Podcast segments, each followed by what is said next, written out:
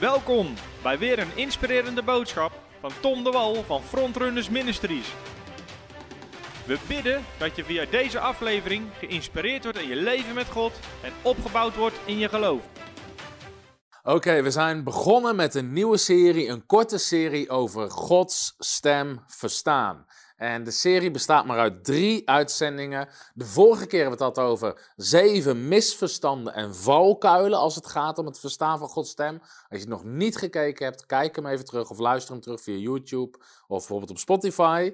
Vanavond wil ik het hebben over de zeven verschillende manieren waarop God tot ons kan spreken. En wellicht heb ik aan het einde nog tijd om wat vragen te beantwoorden. En de volgende keer wil ik heel concreet vier stappen met je delen over hoe je Gods stem beter kan leren verstaan in je leven. Hoe doe je dat nou heel praktisch? Maar voordat we dat gaan doen, wil ik die fundamenten neerleggen van de zeven valkuilen en misverstanden, dat hebben we al gedaan, en de zeven manieren waarop God spreekt. Dus dat is wat we vanavond gaan behandelen. En de vorige keer ook ben ik begonnen met drie kernteksten, die ik ook vanavond weer even met je wil delen, die ik even in je geest wil planten. Want dit zijn zulke belangrijke fundamenten. En de eerste staat in Romeinen 8, vers 14. Daar lezen we namelijk: Immers, zoveel als er door de geest van God geleid worden, dat zijn de kinderen of de zonen van God. Dus wij willen geleid worden door de geest. Ik heb de vorige keer ook gezegd: Gods stem verstaan is eigenlijk te benauwd, te krap. Beter zou zijn om te zeggen, we hebben het over de leiding van de Heilige Geest. En dat gaan we vanavond ook zien, dat God kan ons op veel meer manieren leiden. En God kan op veel meer manieren spreken dan alleen door zijn stem. Um, een andere kerntekst is Johannes 10, vers 27. Mijn schapen horen mijn stem, zegt Jezus. Mijn schapen horen mijn stem. Ik ken ze en zij volgen mij. En de laatste tekst uit Johannes 16, vers 14. Wanneer die komt over de geest, de geest van de waarheid, de Heilige Geest, zal hij u de weg wijzen in heel de waarheid. Hij zal niet vanuit zichzelf spreken, maar wat hij gehoord zal hebben, zal hij spreken. Halleluja, we dienen een sprekende Heilige Geest. Toekomstige dingen zal hij u verkondigen en die zal mij verheerlijken. Want hij zal uit het mijne nemen en het uwe verkondigen. Nou, hier lezen we dat Jezus spreekt. Mijn schapen horen mijn stem. De kinderen, de zonen en dochters van God worden geleid door de geest. De geest zal tot u spreken. Het hoort normaal te zijn in het leven van een christen om de stem van God te verstaan en om geleid te worden door de Heilige Geest. Mensen die God niet kennen, worden geleid door emoties, worden geleid door verstand, worden geleid door omstandigheden, maar de kinderen, de zonen, de dochters van God horen geleid te worden door de geest van God. Niet door emoties, niet door omstandigheden, niet door intellect, door de geest van God. En misschien kan je als statement in de reacties zeggen: Ik ben een kind van God en ik word geleid door de geest van God. Ik ben een kind van God en ik word geleid door de geest van God. Nou, vanavond wil ik proberen kort en krachtig te behandelen zeven manieren waarop God tot ons kan spreken. Waarom deel ik deze zeven manieren? Omdat het belangrijk is dat je weet dat God op verschillende manieren spreekt. Omdat soms zeggen mensen misschien: Ik heb Gods stem niet verstaan. Maar hebben ze ergens de leiding van Gods geest gemist? Omdat ze gewoon niet herkenden hoe God tot hun gesproken heeft. Omdat ze maar één manier in hun hoofd hebben. Dus daarom is het belangrijk om te weten op welke verschillende manieren God kan spreken. Bovendien zijn we allemaal uniek gemaakt. We zijn allemaal verschillend. En de ene manier past ook beter bij de ene persoon dan bij de andere. Dus mensen zullen een persoonlijke voorkeur hebben en God zal anders met jou omgaan dan hij met mij om zal gaan. En daarom is het belangrijk om te weten dat er verschillende manieren zijn. Dat je ook zal ontdekken dat God op een andere manier met misschien je buurman of je buurvrouw omgaat, of zelfs je man of je vrouw, dan met jou. En dat dat op verschillende manieren kan gaan, dat daar geen goed of fout is. Um, dus dat is belangrijk. Nou, voordat ik ze ga behandelen, wil ik even zeggen: sommige zijn heel gebruikelijk en de andere zijn minder gebruikelijk. En het gaat afbouwen, de manieren waarop God ons leidt, van heel gebruikelijk tot nauwelijks voorkomend. Maar het is wel belangrijk om er wat van te weten. Dus als je zegt, ik ben er klaar voor, zet in de reacties, ik ben er klaar voor. We gaan het hebben over de zeven manieren waarop God tot ons spreekt. De eerste manier waarop God tot ons spreekt is door zijn woord. Door zijn woord. Dit is, En ik heb toevallig de Statenvertaling, maar dat maakt niet zoveel uit. Dit is, we hebben het woord van God, hebben we vandaag de dag gekregen. Oude Testament, Nieuwe Testament. Dit is wat God gesproken heeft en wat daarna opgeschreven is voor ons. En ook vandaag de dag spreekt God nog steeds door zijn woord tot ons. En een van de voornaamste manieren waarop God zal spreken, niet de enige, en ik ga er nog wel wat meer over zeggen, is door zijn woord. Nou, wat ik al wel heel belangrijk vind, wat ik even ga zeggen aan het begin, is de drie-eenheid is Vader, Zoon, Heilige Geest. Niet Vader, Zoon, Heilige Bijbel. Voor sommige mensen is dit chockerend. Dit is het woord van God, het is de waarheid, we omarmen dat, we weten dat. Maar de drie-eenheid is Vader, Zoon, Heilige Geest. Dus wat we zo nodig hebben in ons leven is zowel het woord van God als de geest van God. Er zijn veel christenen die vanuit een religieus denken, en ik zeg dit met een bepaald respect, of die hebben het woord van God verheven boven de geest van God. En ze zitten helemaal vast in kennis en redenatie van het woord, maar ze kennen niet de geest van God. Terwijl Adam en Eva hadden geen Bijbel, maar ze hadden wel omgang met God. Noach had geen Bijbel. Abraham had geen Bijbel. Uh, maar ze waren wel vrienden van God. Ze waren wel, ze hadden omgang met God, persoonlijke omgang met God. Sterker nog, de kerk in het Nieuwe Testament, de kerk van handelingen. Ze hadden niet wat wij hadden. Ze hadden nog geen Nieuwe Testament. De evangeliën werden later pas geschreven. Al die dingen hadden zij nog niet. Hoe verstonden zij de stem van God, de leiding van God, door de Heilige Geest? Dus het woord van God is absoluut belangrijk. Ik ga er ook een aantal teksten over lezen. Maar het, je hoeft niet te kiezen. Sommige christenen zitten helemaal in het woord en ze kennen niks van de geest. En anderen zitten helemaal in de geest, maar ze kennen niks van het woord. Nee, je hoeft niet te kiezen. We hebben en het, en het woord van God en de heilige geest van God. En een van de manieren waarop God tot ons spreekt is door zijn woord. Daarom zegt de Bijbel ook in 2 Timotheus 3 vers 16... dat heel de schrift is door God ingegeven en is nuttig om daarmee te onderwijzen te weerleggen, te verbeteren en op te voeden in de rechtvaardigheid, opdat de mens die God toebehoort volmaakt zou zijn, tot elk goed werk volkomen toegerust. Heel de schrift is door God ingegeven en is goed om mee te onderwijzen, te weerleggen, te verbeteren en op te voeden. Dus we hebben allemaal het woord van God nodig. Uw woord is een lamp voor mijn voet en een licht op mijn pad. Nou, ik heb je de vorige keer ook iets over gezegd, maar het woord van God maakt ons bekend de algemene wil van God. In het woord van God lezen we de wil van God. De geest van God zal nooit iets spreken wat tegen het woord van God ingaat. Want hiermee heeft God ons zijn wil bekendgemaakt. Hierin staat gewoon de algemene wil van God. Waar God. Wat God bijvoorbeeld zegt over het huwelijk. Wat God zegt over de lokale gemeente. Wat God zegt over Allerlei thema's in ons leven staat hierin. Dit is de algemene wil van God en hier lezen we wat de wil van God is voor ons leven. Um, hierin staat bijvoorbeeld dat we ons moeten laten dopen. Dat we mensen moeten vergeven die ons kwaad aandoen. Al die dingen meer. Nou, sommige christenen beweren dat de geest van God hun leidt in iets wat tegen het woord van God ingaat. En dat kan niet. God gaat nooit tegen zijn eigen woord in. Ik heb wel eens iemand ontmoet die beweerde dat de Heilige Geest tegen hem had gezegd dat hij zich niet hoefde te laten dopen. Onzin. Misleiding, dwaling. Dat is niet de geest van God die dat tegen je zegt. Want in het woord van God staat: laat een ieder van u gedoopt worden. En het bestaat niet dat de Heilige Geest tegen jou zegt dat jij niet gedoopt hoeft te worden. Dat is, dat is misleiding. Dat is niet hoe de geest van God je leidt. Waarom? Daarom hebben we gelukkig de algemene wil van God. Maar naast de algemene wil van God is ook een specifieke wil van God voor jouw leven.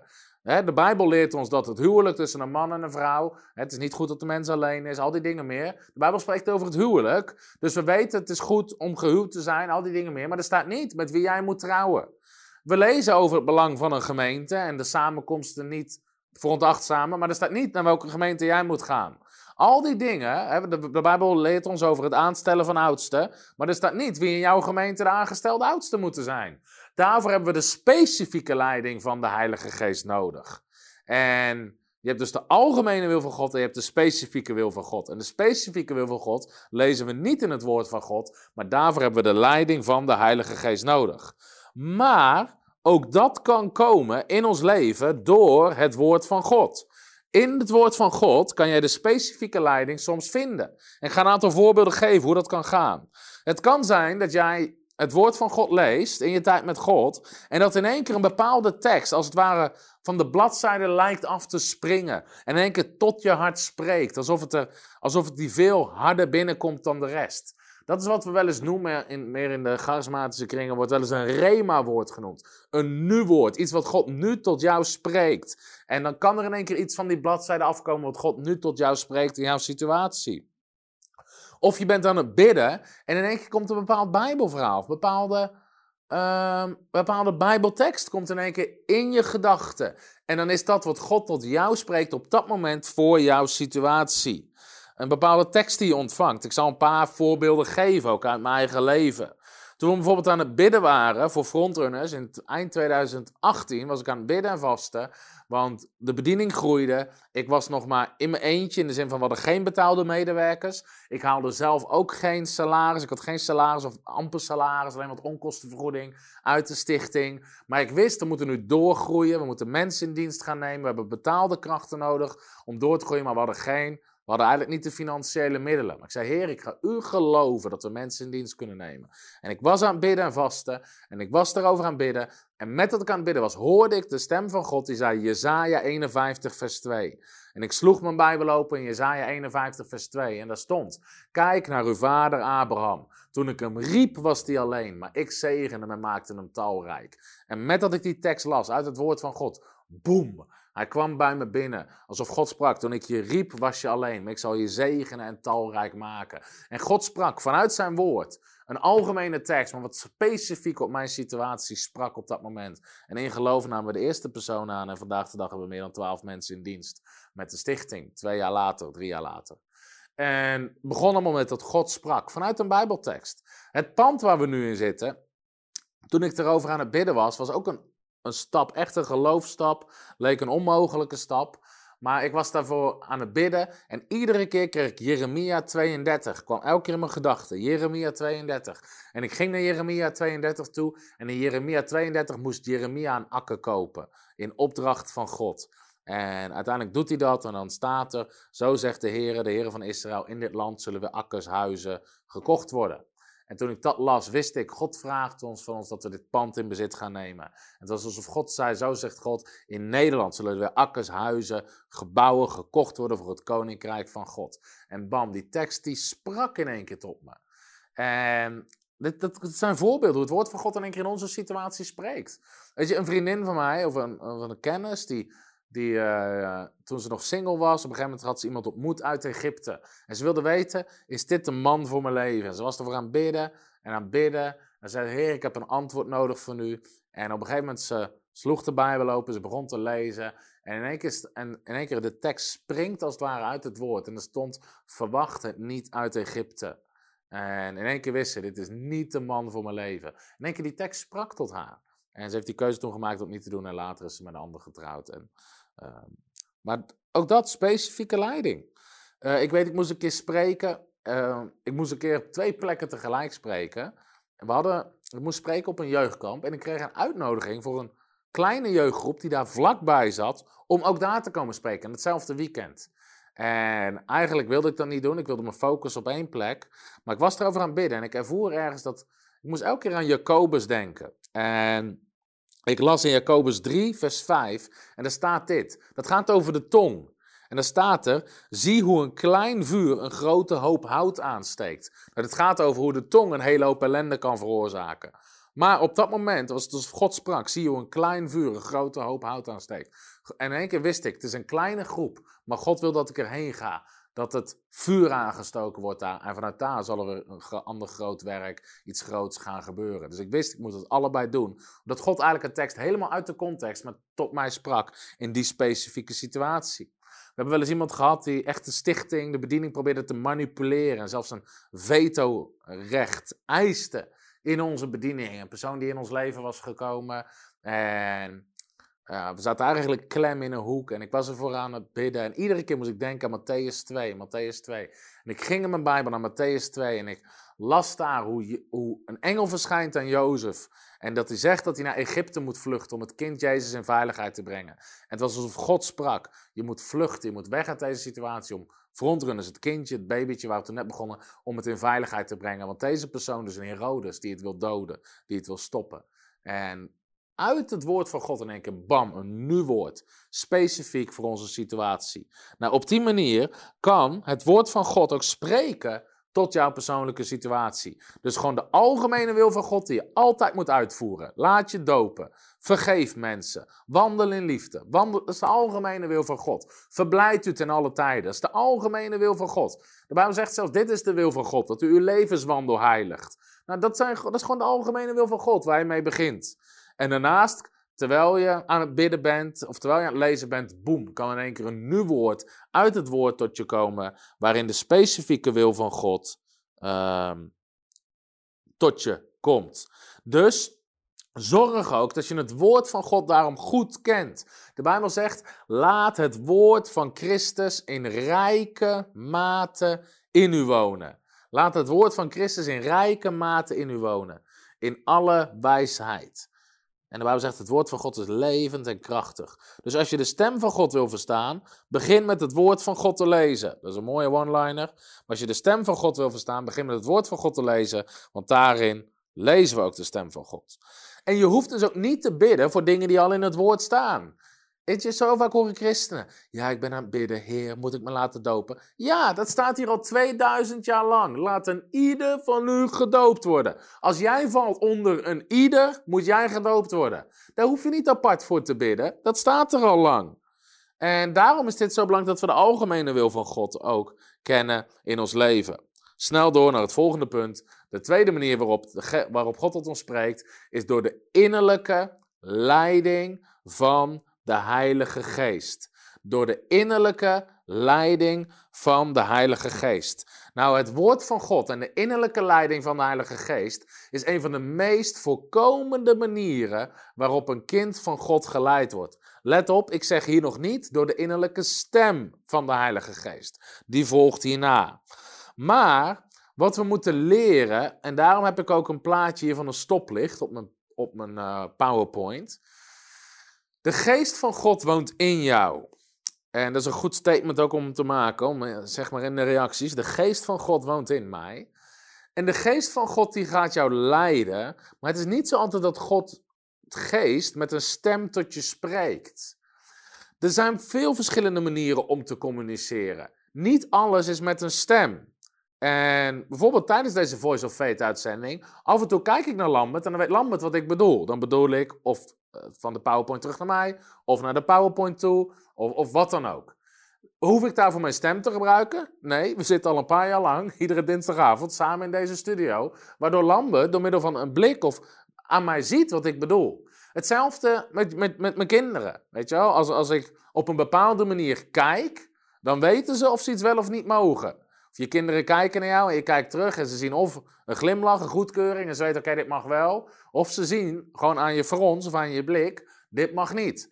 Hetzelfde geldt met je vrouw. Als je een huwelijk hebt, alle mannen zullen dit weten. Je vrouw hoeft niet altijd veel woorden te gebruiken om te weten of ze iets goed of afkeurt. Soms zie je aan de blik van je vrouw, dit is geen goed idee.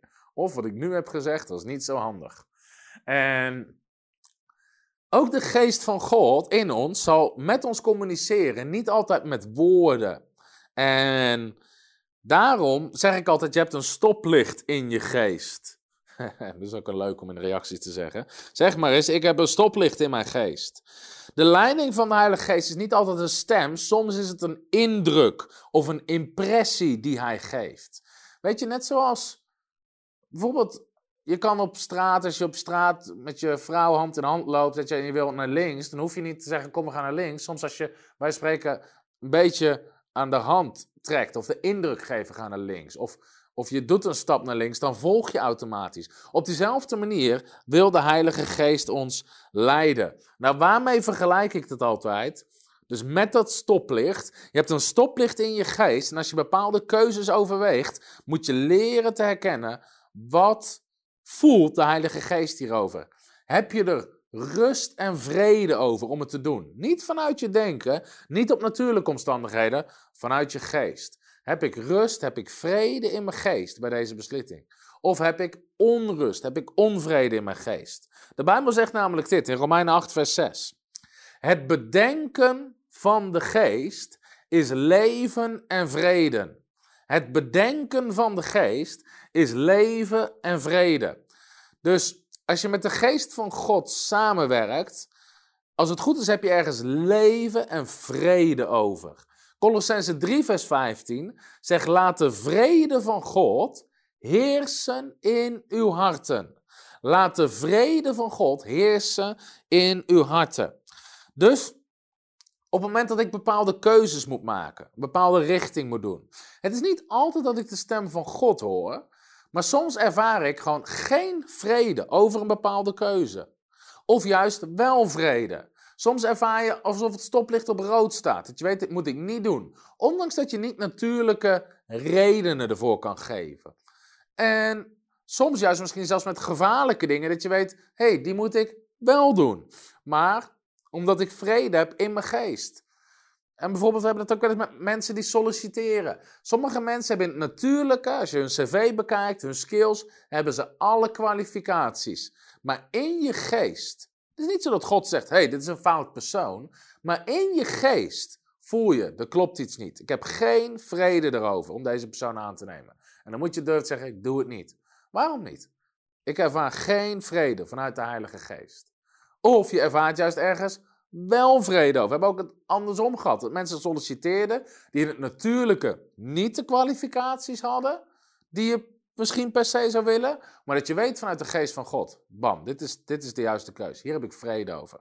Dus leer te herkennen dat stoplicht. Soms komen de mensen op je af of die benaderen je ergens voor voor een samenwerking, kan ook zakelijk zijn of voor een vriendschap. En in je geest voel je gewoon, er klopt iets niet. Ik heb er geen vrede over. En daarom moet je het leren te herkennen. Gevoelig worden voor de Heilige Geest. Voor die stoplicht die God eigenlijk in je geest heeft geplaatst. En ook sommige kansen of deuren die open gaan. Niet iedere deur die open gaat in je leven is van God. weet je, eh, vraag gewoon. Of heb gewoon ergens vrede over of geen vrede over. Soms kunnen er zelfs hele goede deuren opengaan, het natuurlijke. Maar dat je weet, dit moet ik niet doen. Dit moet ik niet doen. Dus vrede in de geest. Check wat zegt God in je hart. Welke indruk, welke impressie heb je. En dit is iets waar je voor leert om gevoelig te worden. Maar wat zo ontzettend belangrijk is. Daarom, soms als mensen zeggen, ik heb Gods stem niet verstaan. Nee, misschien heeft God niet gesproken, maar heeft, heb je een bepaalde indruk in je geest, of je het wel of niet moet doen. Heb je er vrede over? Heb je er onrust over? In je geest. Ik heb het niet over in je hoofd, ik heb het over in je geest.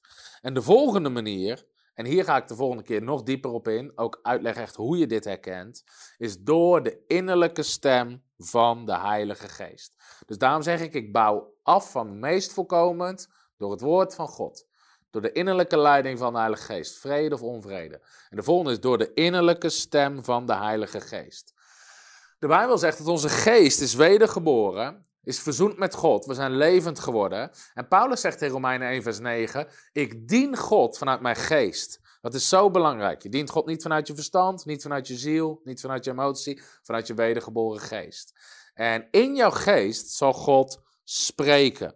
En heel vaak zie je dit ook in het Nieuwe Testament, in het boek Handelingen. Dan staat er bijvoorbeeld, en de geest zei tegen Filippus, ga er naartoe en voeg u bij deze wagen. De geest van God sprak dat specifiek tot Filippus. Was geen hoorbare stem uit de hemel, waarbij iedereen het hoorde. Waar sprak de geest van God dat? In zijn hart, in zijn wedergeboren geest. Handelingen 13 vers 2. Terwijl zij de Heeren dienden en vasten, zei de Heilige Geest.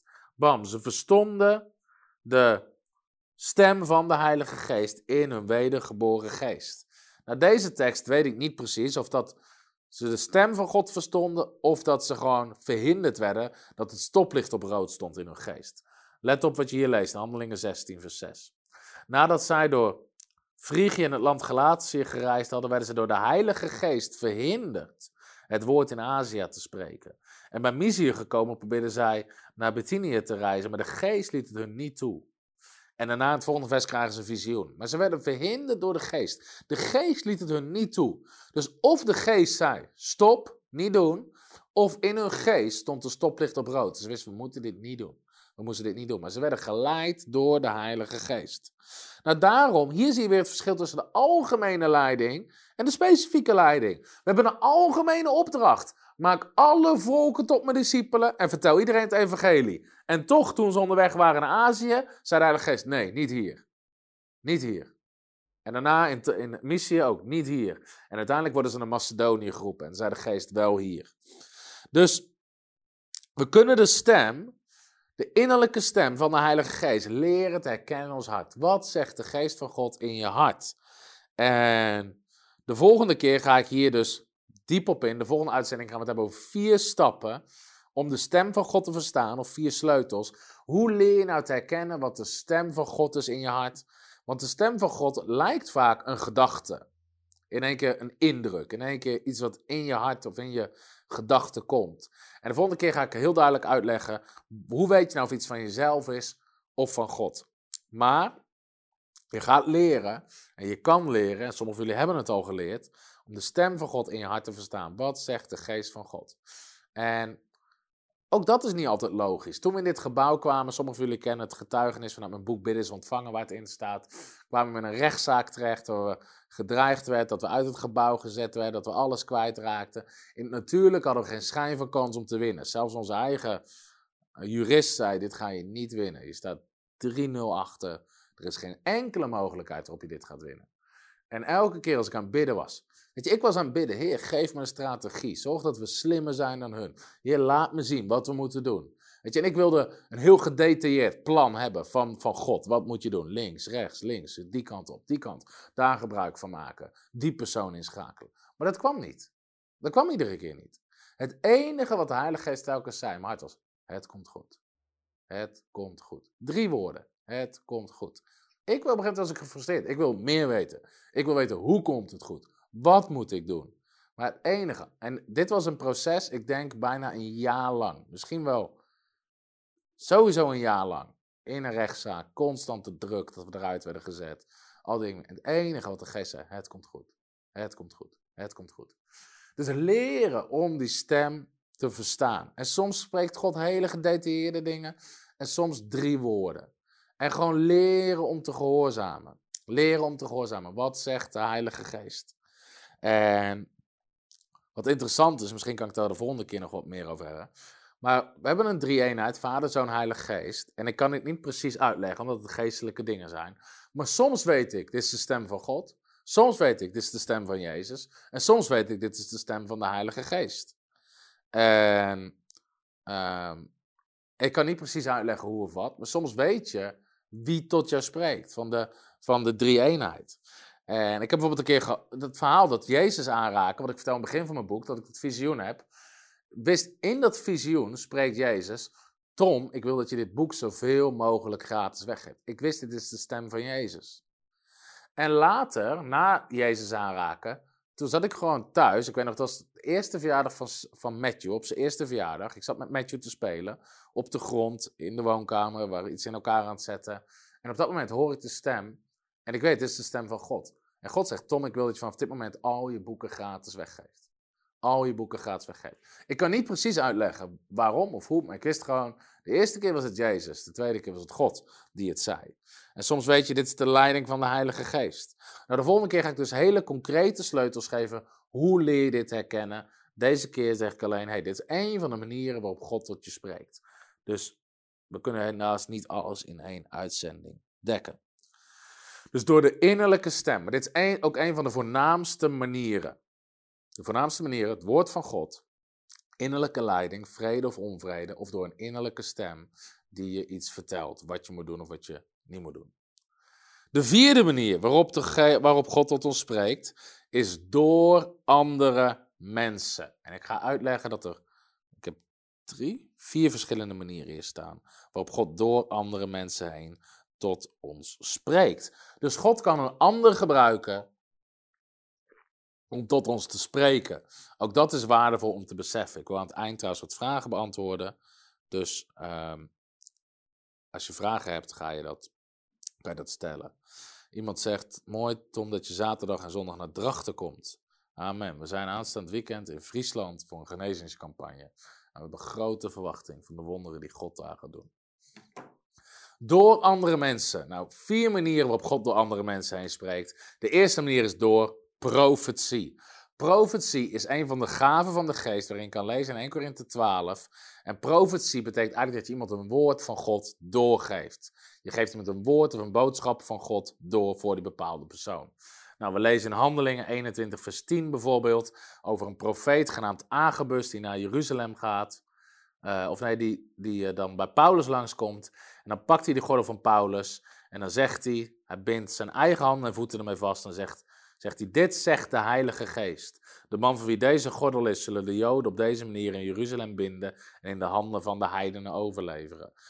De Heilige Geest sprak door iemand, door een profetie tot Paulus. Dus profetie is één van de manieren waarop um, God tot ons spreekt door andere mensen. Nou, wat is heel belangrijk als het gaat om profetie? Profetie zal of bevestigen wat God al in jouw eigen hart gelegd heeft. Of nadat het gesproken is, zal je alsnog de bevestiging krijgen. De voornaamste manier waarop nieuwtestamentische christenen geleid worden, is niet door profetieën. Is niet door profetieën. Jezus zegt, mijn schapen kennen mijn stem. Jezus zegt niet, mijn schapen krijgen profetieën. Romeinen 8 zegt, zoveel als door de geest van God geleid worden. Er staat niet zoveel als ze constant profetieën krijgen. Dus je hoeft niet van profetische dienst naar profetische dienst naar profetische dienst. Profetische diensten en conferenties zijn goed, maar de voornaamste manier waarop jij geleid wordt in het Nieuwe Testament is door de Heilige Geest. En er zal of iets gesproken worden wat je al weet, want ook Paulus wist dit al. Want dan is de vraag, wat betekent het woord? Want als je dit verhaal verder leest in Handelingen 21, zegt iedereen tegen Paulus, oh, ga niet naar Jeruzalem toe. Maar Paulus zegt, zegt hey, jullie proberen mij uit het plan van God te krijgen, want ik moet daar wel naartoe. Agabus gaf geen conclusie. Die zegt alleen, dit zegt de Heilige Geest, de man van wie deze gordel is, zo zullen je handen gebonden worden. Hij zegt niet, dus je moet niet gaan, of dus je moet wel gaan. Dat liet hij over bij Paulus. Paulus was nog steeds zelf verantwoordelijk voor de keuze die hij maakte op basis van het woord. Dus het zal of bevestigen wat al in jouw hart ligt, of achteraf zal je die bevestiging krijgen.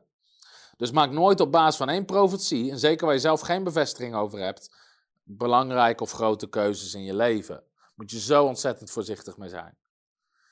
Een andere manier waarop God door andere mensen door ons heen spreekt, is door raadgevers. De Bijbel spreekt heel vaak over raadgevers. Nou, ik denk dat dit best wel iets belangrijks is, omdat je hier vaak nooit een preek over hoort. Maar het is zo belangrijk dat andere mensen de kans krijgen om in te spreken op ons leven. Nou, sommige mensen vinden dat heel lastig om om te gaan, ook met feedback of iemand anders die ergens iets over zegt. En sommige mensen die knappen daar meteen op af.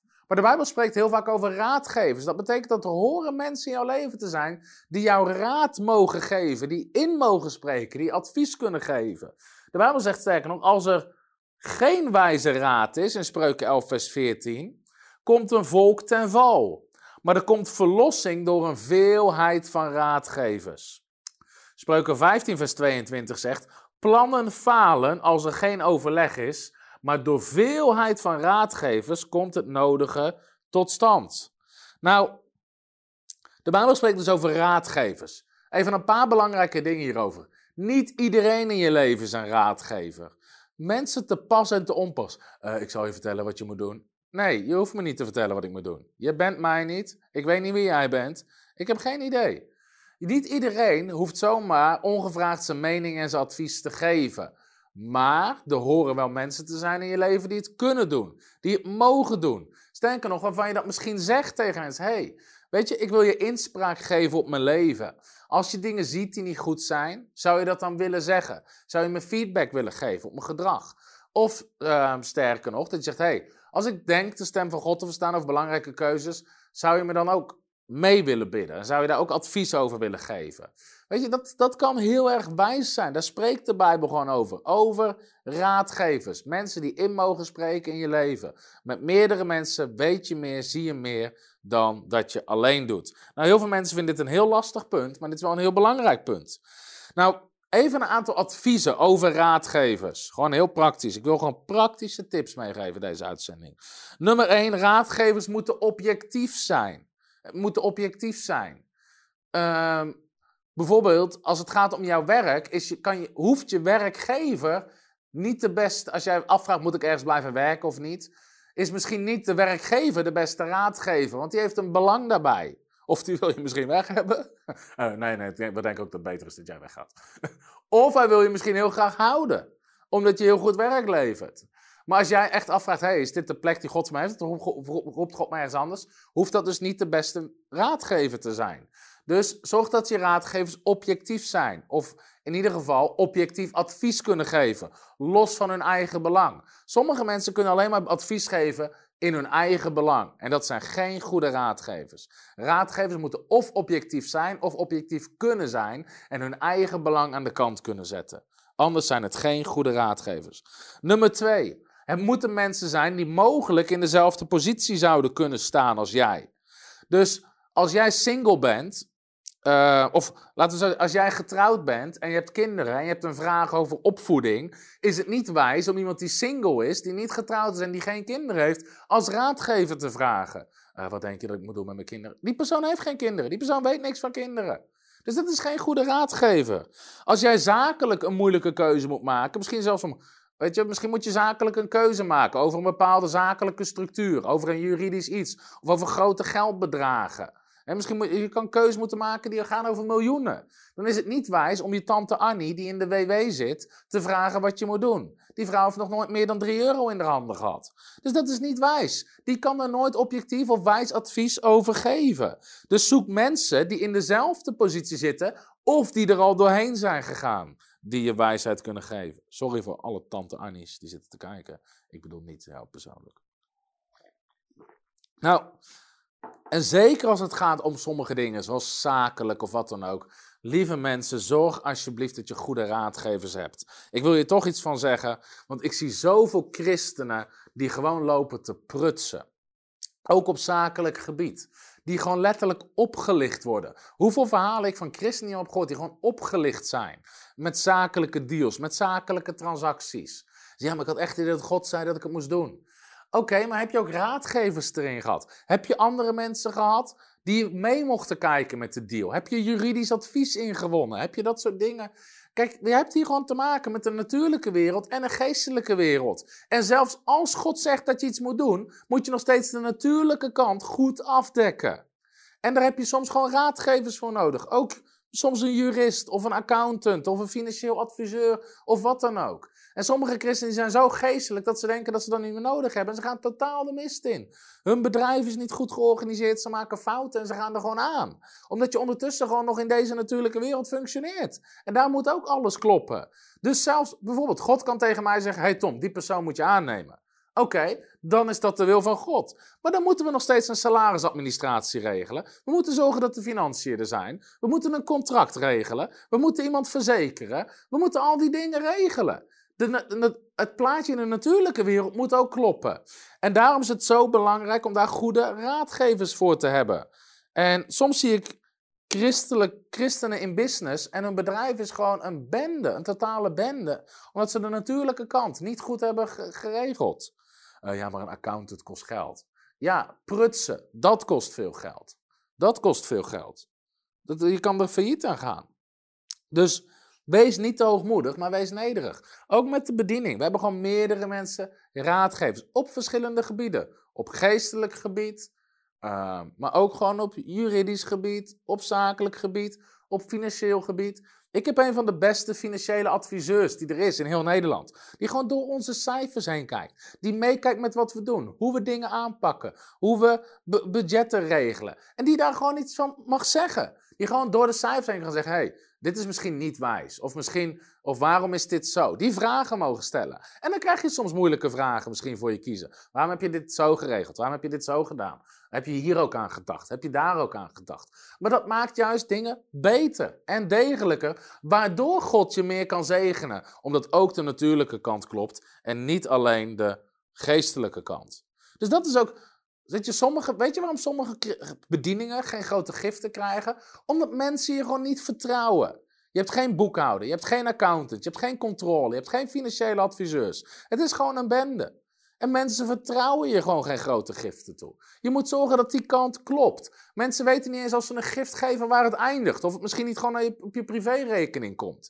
Je, daarom hebben we al dat soort dingen. We gewoon goed naast de boven natuurlijk kant. We geloven God voor voorziening en de voorziening stroomt. Maar we zorgen ook dat we te vertrouwen zijn. We hebben een boekhouder, we hebben een accountant in dienst, we hebben een boekhouder in dienst, we hebben een extern accountantbureau. Wat gespecialiseerd is in ambies en bedieningen. Die ons nog een keer controleert. Daarnaast hebben we nog een financieel adviseur. En we hebben iemand in onze raad van toezicht die meekijkt. We hebben vijf lagen waar, het, waar de hele financiële kant van de bediening overheen gaat. Zodat er nooit iets geks kan gebeuren. Meer, we hebben, de rekening wordt vanuit verschillende kanten gecontroleerd. Er kan geen euro uitgaan zonder dat er een vraag komt, of van een boekhouder, of van een accountant, of van iemand anders op kantoor. Waar is dat geld heen? Is er een bonnetje van? Is het dat moet je gewoon goed regelen. Ook die kant moet je regelen. Dit is zo ontzettend belangrijk. Hetzelfde geldt voor bedrijven, het geldt overal voor. Sommigen zeggen, God heeft gezegd dat ik een kerk moet starten. God heeft gezegd dat ik een bediening moet starten. Oké, dan komt er iets bij kijken. Dan moet je in Nederland een rekeningnummer hebben. Moet je statuten hebben. Moet je misschien een ambistaats hebben. Moet je, moet je dat soort dingen moet je gewoon regelen. En dat is een kant die jij uit moet zoeken. Waar je gewoon wijsheid en raadgevers voor nodig hebt. Dus zorg voor raadgevers. Wat is een andere manier waarop God spreekt? Door prediking heen. Door prediking heen, door andere mensen. Petrus zegt, laat ieder de ander dienen met de genadegaven zoals hij die ontvangen heeft, als goede beheerders van de veelsoortige genade van God. Als iemand spreekt, dus een prediker, als iemand die de woorden van God spreekt. God spreekt door prediking heen. God spreekt door prediking heen. Sterker nog, God had één zoon en hij maakte hem een prediker. Jezus ging overal rond en hij predikte. Prediking is iets wat God heeft ingesteld. Geloof komt door het prediken van het woord, lid de Bijbel ons. Dus God spreekt. De Bijbel noemt het zelfs de dwaasheid van prediking. Het is misschien niet Weet je, dat is gewoon hoe God heeft gekozen om te werken. Om deze hele wereld te bereiken met prediking, gelovigen toe te rusten met prediking en God spreekt daardoor heen. Dus misschien, wat ik net zei over raadgevers, is dat een nu woord voor jou in je leven. Dat je erachter komt, wacht, ik ben eigenlijk een lone wolf. Niemand heeft iets te zeggen over mijn leven. Ik heb dingen niet goed geregeld. Dan is dat iets wat God tot jou zei. Want ik heb het niet zo uitgebreid in mijn aantekeningen staan. Ik voelde gewoon dat ik daarbij moest blijven hangen. Om mensen daar alert, bewust op te maken. Dus God leidt door prediking heen. Er zijn mensen, je kijkt deze uitzending, je doet er niks mee. Over een half jaar zit je in de shit, omdat je opgelicht bent of denk je niet. Dan zeg je, eh, ja, maar God heeft niet gesproken. God heeft wel gesproken, maar je hebt er niks mee gedaan. Je hebt er niks mee gedaan. Je hebt het niet herkend, je hebt er niks mee gedaan. En dat is waar christenen soms de mist in gaan. Ze zeggen, God heeft niet gesproken, terwijl misschien door de prediking heen op zondag of door deze studie of iets anders, heeft God wel degelijk gesproken. Je hebt het alleen niet herkend of je, bent, of je hebt er niks mee gedaan. Zo ontzettend belangrijk. God spreekt door prediking en God spreekt soms gewoon door andere mensen heen. Soms zegt iemand iets tegen je en hier moet je dus niet in doorslaan. Hier moet je echt wel geestelijke gevoeligheid hebben. En dan weet je, wacht, dit is niet iets, dit is gewoon iets wat God tegen me zegt. Soms ben je ergens over aan het nadenken, hoe moet dit, hoe moet dat? En uit het niks zegt iemand, hey, heb je er wel eens aan gedacht om dit zo en zo te doen? En eigenlijk weet je, wacht, zonder dat iemand door heeft, geeft iemand je een profetie of een woord van kennis. Dat kan gebeuren. Nou, zelfs Mozes, we gaan het nu niet lezen, in Exodus 18. Mozes is met een miljoen mensen in de woestijn. En hij is heel de dag bezig met rechtspreken, voor allerlei dingen zorgen. En dan komt de schoonvader van Mozes, Jethro, en die komt naar Mozes toe en die zegt, joh, wat je doet is niet goed. Wat jij doet is niet goed. Hier ga je aan kapot. Je moet andere mensen aan gaan stellen. En die Jethro begint hem raad te geven. En Mozes was nederig om ernaar te luisteren. En dan volgde de raad van zijn schoonvader op. En uiteindelijk werd hij daardoor gezegend en stelde die anderen aan om het ook te doen. Oké. Ehm, nummer 5. Wat is nog een manier waarop God spreekt? En dit zijn eigenlijk twee manieren onder één punt omdat zeven punten klinkt beter als acht. Door dromen en visioenen. Door dromen en visioenen. Handelingen 2, vers 17. Daar zegt Petrus over de tijd waarin wij leven. Ik zal uitstorten van mijn geest op alle vlees. Dus wat gebeurt er als de geest van God wordt uitgestort? Uw zonen en uw dochters zullen profeteren. Uw jonge mannen zullen visioenen zien. En ouderen zullen dromen dromen. Dus over twee dingen wordt gesproken. over dromen en visioenen. En dat zijn ook twee manieren waarop God ons zal leiden in ons leven. Wat al iets minder gebruikelijk is als de voorgaande manieren, maar nog steeds veel voorkomend. Laat ik eerst even de visioenen behandelen.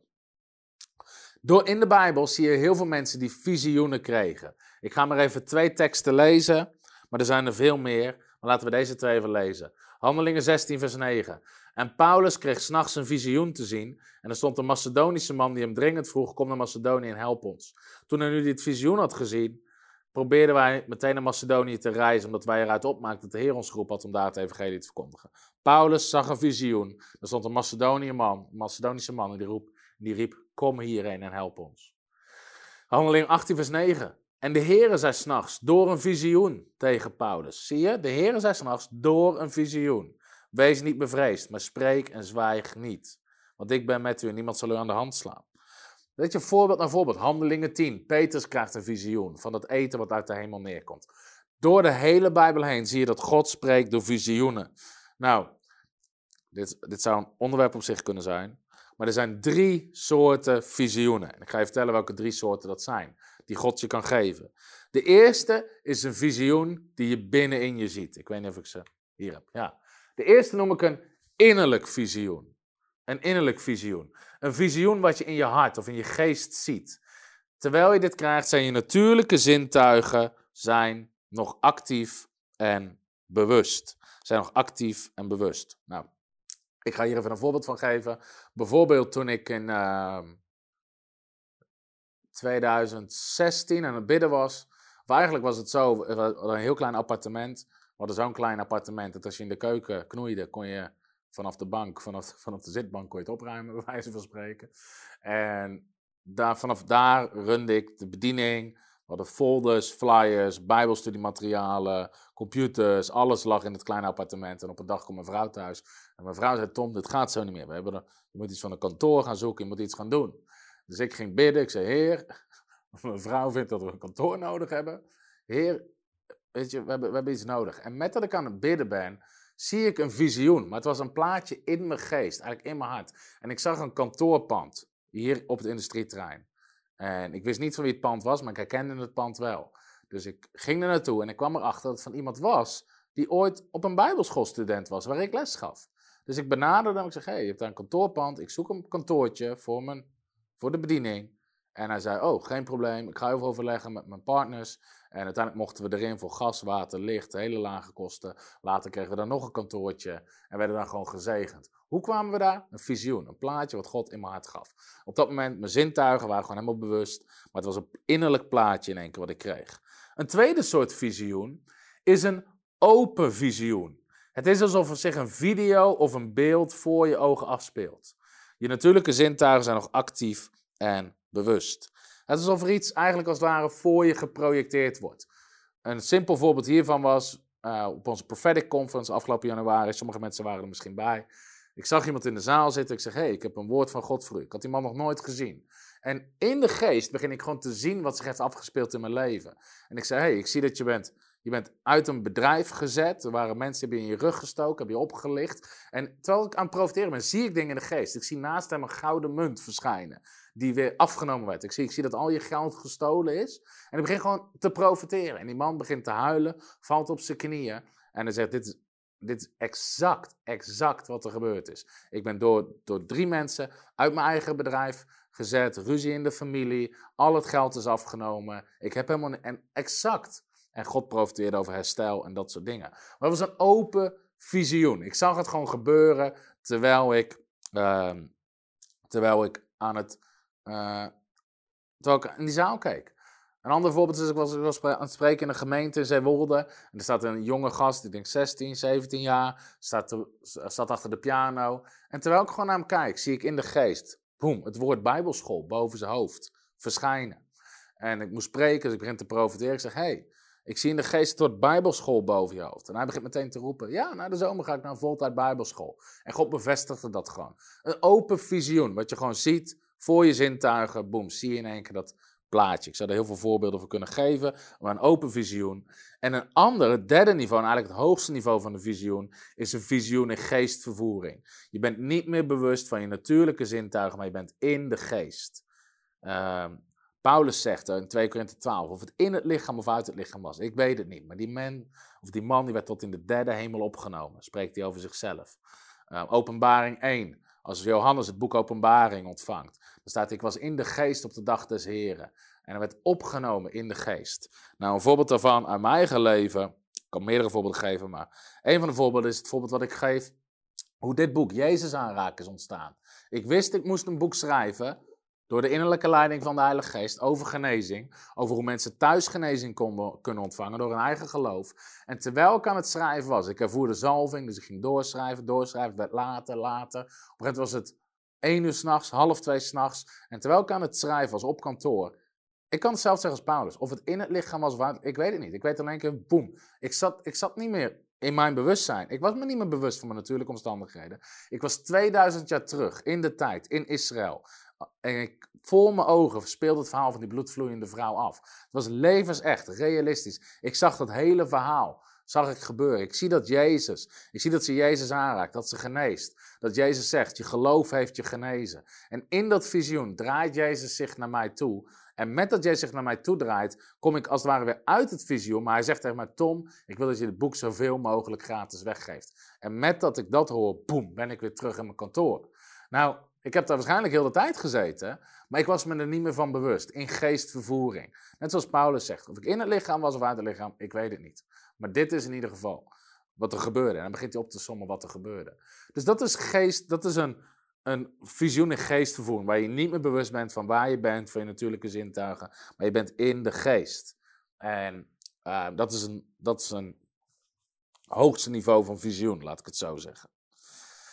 Uh, dromen hebben we het nog niet over gehad. Maar door dromen, ik heb hier ook geen, ik heb ze niet op mijn PowerPoint staan, maar in de Bijbel zie je dat meer dan twintig keer dat God spreekt door dromen. Door dromen. En dus God kan je profetische dromen geven. En ik ga dit nu niet doen, maar alleen als opdracht zal ik je al Matthäus hoofdstuk 2 willen geven.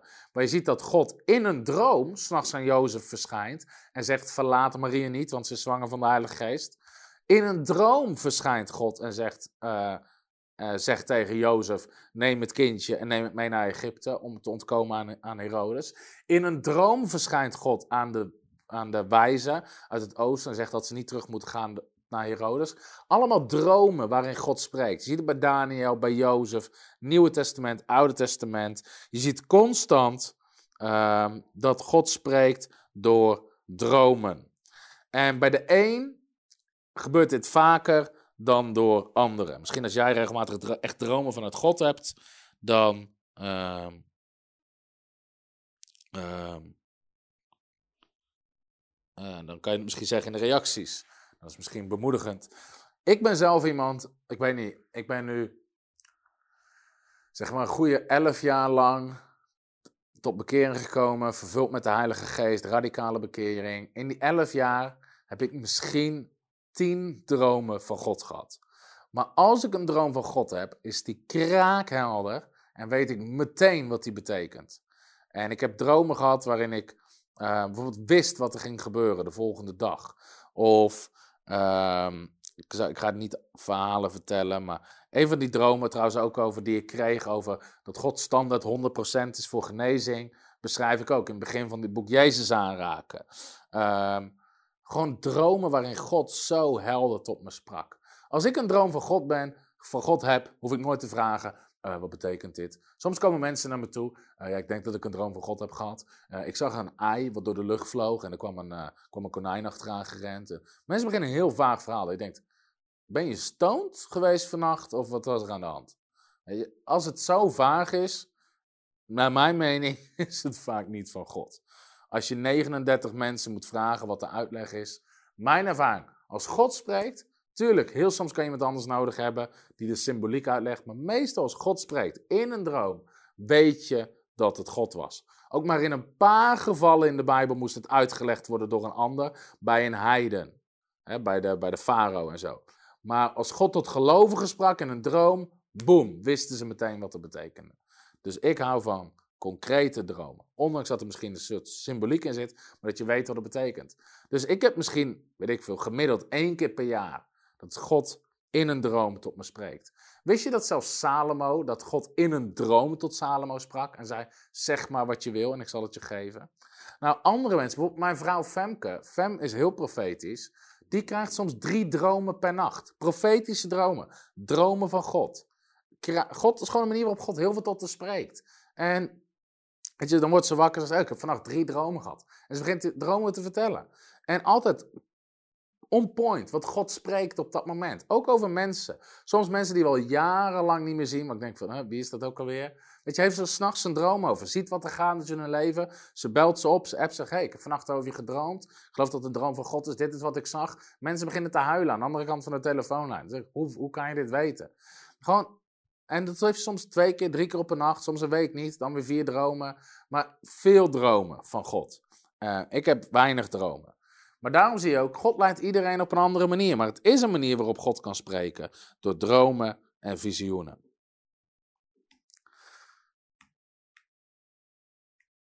Ik geloof dat je door dit onderwijs gezegend wordt. Als je door dit onderwijs gezegend wordt, laat maar eens weten in de reacties. En zeg, ik word gezegend. Maar dus niet iedere droom is van God. Nummer 6. Overige geestelijke ervaringen. Dus droom en visioen is nog steeds veel voorkomend. Er zijn nog andere geestelijke ervaringen. Ik ga ze even heel kort opsommen. Bijvoorbeeld verschijningen van Jezus. Handelingen 23 vers 11. En de volgende nacht stond de Heere bij hem. Hij zei, heb goede moed, Paulus. Want zoals u in Jeruzalem van mijn zaak getuigd hebt, zo moet u ook in Rome getuigen. Dus hier verscheen Jezus aan Paulus. Ook in Handelingen 9 verscheen Jezus aan Paulus. Er zijn een aantal keer waarin Jezus aan Paulus verschijnt. En hem vertelt wat hij moet doen of tot hem spreekt. Dus ook vandaag de dag kan het nog voorkomen dat Jezus verschijnt en iets zegt tegen je. Mijn ervaring is, als dat gebeurt, ik heb in mijn leven drie keer een ontmoeting gehad met Jezus. Ik heb Jezus drie keer gezien. Het is levensveranderend. Je weet niet wat je meemaakt. Ehm, het, is niet, uh, het is niet iets lichts. Soms hoor je mensen zeggen, ah, ja, ja, ik heb Jezus gezien en Nee, nee. Zoals jij erover praat, sorry, je hebt hem niet gezien. dat is niet hoe je erop reageert als Jezus aan je verschijnt. Het is ontzagwekkend. Het is ontzagwekkend. Sommigen zeggen, ja, ik heb Jezus gezien, maar ik weet niet precies wat hij bedoelde. Als Jezus tot je spreekt, weet je meteen wat hij bedoelt. Hoef je niet af te vragen, wat bedoelt hij? Als Jezus verschijnt, is een ontzagwekkende ontmoeting die je hebt met de levende Zoon van God. En als je in zijn ogen kijkt, ben je voorgoed veranderd. Uh, dus Jezus kan verschijnen. Verschijningen van engelen zie je ook. Nog, dit is dan niet de gebruikelijke manieren. Maar het kan wel gebeuren. Handelingen 27, vers 23. Deze nacht stond er bij mij een engel van God, van wie ik ben en die ik ook dien. Die zei: Wees niet bevreesd, Paulus, moet voor de keizer terechtstaan. Een engel verscheen aan Paulus. En dat zie je ook gebeuren bij Maria, Zacharias, Daniel. Dus ook dit soort dingen kunnen gebeuren. Maar nogmaals, dit zijn hemelse dingen. Dit zijn heilige dingen. Hier kan je niet te licht mee omgaan. Sommige mensen die beweren dat ze tien keer per dag een engel zien. Hoe kan je tien keer per dag een engel zien en zo'n rotzooi hebben in je leven? Het is soms verbazingwekkend. Sommige mensen beweren dat ze overal de stem van God voor verstaan, maar niet eens gewoon een baan kunnen houden. Niet eens gewoon een gezin kunnen onderhouden. Hoe al hun relaties en huwelijken rotzooi is, maar ze beweren wel dat ze God de dag verstaan. Die mensen moeten even uit de wolken komen, naar deze aarde en weer even opnieuw leren hoe dat soort dingen werken. Amen. Oké. Maar dit zijn heilige dingen, dit zijn hemelse dingen en die dingen kunnen nog steeds gebeuren vandaag de dag. Nou, iets anders waar ik voorzichtiger mee ben. Soms kan de geest van God je leiden door verloop van omstandigheden. Jona kwam in de storm terecht, waardoor hij wist: hé, hey, ik ben niet in de wil van God. God veroorzaakte die storm. Maar Jezus kwam in een storm terecht omdat hij in de wil van God zat. Hij was op weg om die bezeten man te bevrijden. En het was een demonische storm. De duivel probeerde hem te bestraffen. Dus zelfs als omstandigheden beginnen te bewegen, dingen beginnen in één keer heel erg tegen te zitten, heb je alsnog de leiding van de Heilige Geest nodig. Ben ik uit de wil van God en gaat het daarom stroef? Of ben ik in de wil van God en is het strijd? Daarom heb je leiding nodig van de Heilige Geest. Want dit zie je altijd. Weet je, hebben mensen moeilijkheden in hun leven. Sommigen zeggen, ik heb strijd, ik heb strijd. Sommigen hebben geen strijd. Ze hebben gewoon hele domme keuzes gemaakt. Ze zijn uit de wil van God. Dat is geen strijd. Je bent gewoon uit de wil van God. Je wandelt niet in de zegen van God. Je wandelt op een plek waar niet de gunst van God is. Of Soms zijn mensen juist te gaan doen wat God zegt en in één keer komt er komen strijd en moeilijkheden. Daarom heb je onderscheid nodig. Waar heb je mee te maken? Een andere manier is soms door zalving of tegenwoordigheid. Dat je in één keer weet, de geest van God drijft je ergens toe. Jeremia 20, vers 9 zegt dan, werd het in mijn hart als brandend vuur, opgesloten in mijn beenderen. Jeremia voelde letterlijk, toen hij moest profiteren, en dacht, ik doe het niet, voelde hij het branden in zijn botten als vuur. Dus dit is een van de manieren waarop God je kan leiden. En als allerlaatste manier, de zevende manier, en hier ga ik niet zo heel veel over zeggen, maar is door een hoorbare stem van God. Een hoorbare stem. Zie je bijvoorbeeld in Handelingen 9, gaan we nu niet helemaal lezen, maar er staat, toen Jezus sprak tot Paulus, de Heer zei, sta op, ga naar de stad, daar zal u gezegd worden wat u moet doen. En de mannen die met hem meereisden, de laatste zin, stonden sprakeloos. Want zij hoorden wel de stem, maar zij zagen niemand. Dus zelfs de mensen om hem heen hoorden de stem. Nou, een hoorbare stem van God is zeer zeldzaam dat dat voorkomt. Is zeer zeldzaam. Maar het kan wel, maar het is zeer zeldzaam. Het is wel eens zo dat God zo duidelijk tot je spreekt dat je denkt dat iedereen het hoorde, maar dat jij de enige was. Dat komt vaker voor. Dus dit zijn zeven manieren waarop God tot je spreekt. De zeven manieren, nog één keer samenvattend. Door zijn woord, door de innerlijke leiding van de Heilige Geest, door een innerlijke stem, door andere mensen, kan door profetie, door raadgevers, door prediking of gewoon door wat mensen zeggen, door dromen en visioenen, overige geestelijke ervaringen, verschijningen van engelen, verschijningen van Jezus, bovennatuurlijk verloop van omstandigheden of door een hoorbare stem. Dit zijn de zeven manieren waarop God spreekt. Als mensen nog vragen hebben, zal ik ze proberen kort en krachtig te beantwoorden. Ik hoop dat je gezegend bent door dit onderwijs. Ik vertrouw er wel, wel op dat je hierdoor gezegend bent. En ik wil nog een paar gave mededelingen doen ook. En laten we hier maar mee beginnen. We hebben bijna 10.000 YouTube-abonnees. Dus als je nog niet geabonneerd bent op ons YouTube-kanaal, abonneer je even snel. En dan ehm, gaan we deze week nog de 10.000 YouTube-abonnees halen. Wat hebben we verder nog als gave mededeling? Laten we maar beginnen met de, de gaafste. Mijn nieuwe boek komt eind mei uit. En het boek heet Geloof voor het Onmogelijke. Maar uh, het komt uit als drie luik. Met deel 1. En in deel 1 leer je onder andere wat geloof is. En waarom God geloof vraagt. En even kijken dat ik het goed zeg. Uh, wat geloof doet, waarom God met geloof werkt en wat Bijbels geloof is. Hierin leg ik onder andere uit tien dingen die verward worden met geloof. Vijf verschillende soorten Bijbels geloof. Wat Gods eigen definitie van geloof is. Zeven kenmerken van Bijbels geloof. Dit gaat echt tot zegen zijn. Jezus zegt alles is mogelijk voor degene die gelooft. Als wij leren hoe geloof werkt, dan gaat het echt je leven veranderen. In deel 2 leg ik je uit hoe je geloof krijgt, hoe je geloof groeit en hoe je geloof gebruikt. En ik heb een werkboek uitgebracht met reflectievragen, et cetera. Nou, dit hele pakket, ook dit gaan we gewoon weer gratis weggeven en komt eind mei, uh, zal de release daarvoor zijn. Maar voor al onze partners, voor iedereen die partner is van Frontrunners, gaan we het uitbrengen in een super gave giftbox. Echt hoge kwaliteit, dik karton, mooie box, unbox your fate. En see the impossible become possible. Echt een hele gave giftbox is dit geworden, die je zo in je kast kan zetten. Gewoon om jou te bedanken dat je partner bent van Frontrunners. Dat je ons helpt om zoveel mensen te bereiken met het woord van God toe te rusten, te discipelen. Uh, onder andere onze boeken gratis weg te geven. De afgelopen 2,5 jaar hebben we 400.000 boeken gedrukt om gratis weg te geven. Onder andere door onze partners. Als jij nog geen partner bent, maar je wil wel helpen ons om nog meer mensen te bereiken. En je wil die gave giftbox krijgen. We willen ook gewoon onze partners zegenen. Word vandaag nog partner van Frontrunners. Ga naar www.frontrunnersministries.nl. Klik op partner worden. Vink aan voor welk bedrag je partner wil worden. Vanaf 25 euro of meer in de maand kan je ook bijbelschool.tv volgen. Al onze part- en bijbelscholen. En op die manier werken we gewoon samen in het Koninkrijk van God. We staan dit jaar in geloof, 2022, het jaar van verdubbeling, dat het aantal partners wat we hebben dit jaar gaat verdubbelen. Zodat we nog meer mensen kunnen bereiken. We zijn bezig met een nieuw gebouw. En een van de dingen die God sprak over het nieuwe gebouw, is toen ik aan bidden was voor de voorziening, we hebben letterlijk miljoenen nodig. Maar God zei, ik zal een explosie van partners geven. En op het moment dat God dat spreekt, zien we ontzettend veel mensen partner worden. En weet je, mensen worden misschien niet partner voor 10.000 euro in de maand, maar sommige mensen worden partner voor 25, of voor 50, of voor 100, of voor 10, of voor 15, of voor 500. En al die bedragen bij elkaar, die iedere maand weer binnenkomen. Ik geloof dat dat de strategie is die God ons geeft om dit helemaal schuldenvrij te doen. Waardoor we met het nieuwe gebouw nog veel meer mensen kunnen bereiken. Waar we een eigen distributiecentrum voor de boeken, dat we uit kunnen breiden naar het buitenland. Dat we armoedehulp kunnen doen. Een voltijd bijbelschool kunnen starten. Genezings, bevrijdingsconferenties, diensten, andere conferenties. Met meer dan duizend mensen in de zaal. Dat we, ons kantoor hier zit helemaal vol. Dat we 35, 40 nieuwe kantoorplekken krijgen. Videostudio's. Echt een zegen gaat zijn voor het land.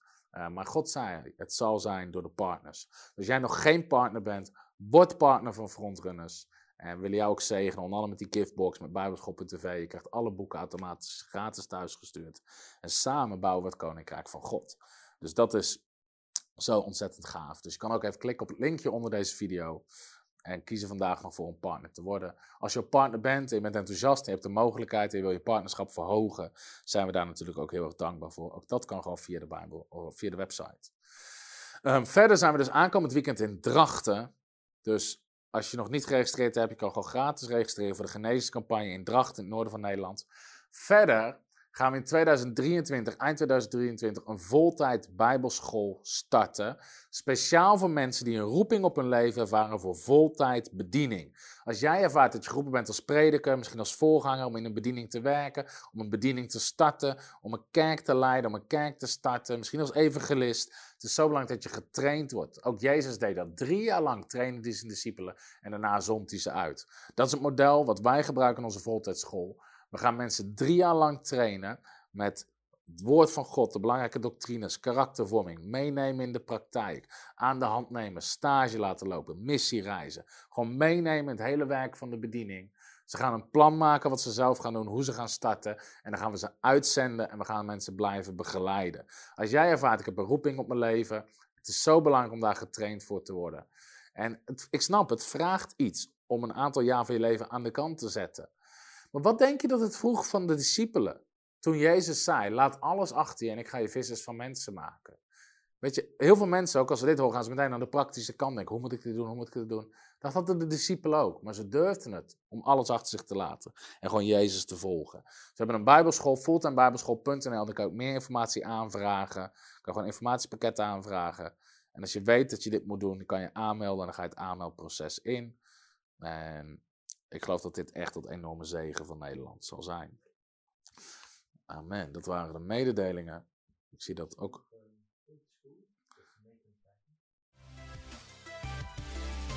Hallo, Tom de Wol hier en bedankt dat je weer geluisterd hebt naar onze podcast. Ik bid dat het je geloof gebouwd heeft en je bemoedigd bent.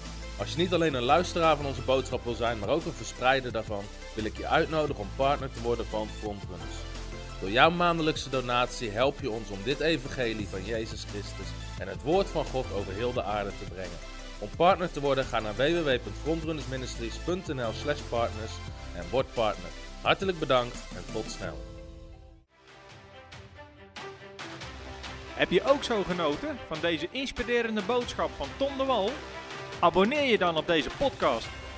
Volg ons op Facebook en op Instagram en kijk op onze website frontrunnersministries.nl.